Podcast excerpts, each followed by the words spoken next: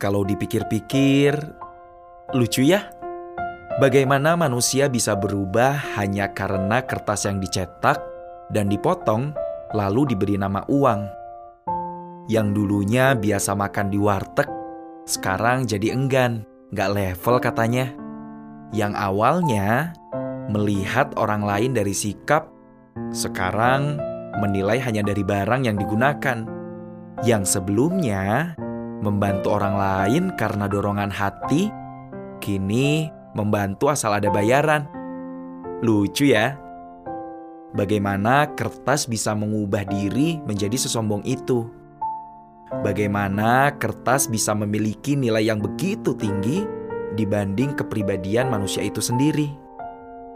Manusia memiliki kesempatan untuk memilih fungsi apa yang digunakan atas uang yang dimilikinya namun, mereka malah membiarkan kertas tersebut mengubah fungsi mereka sebagai manusia.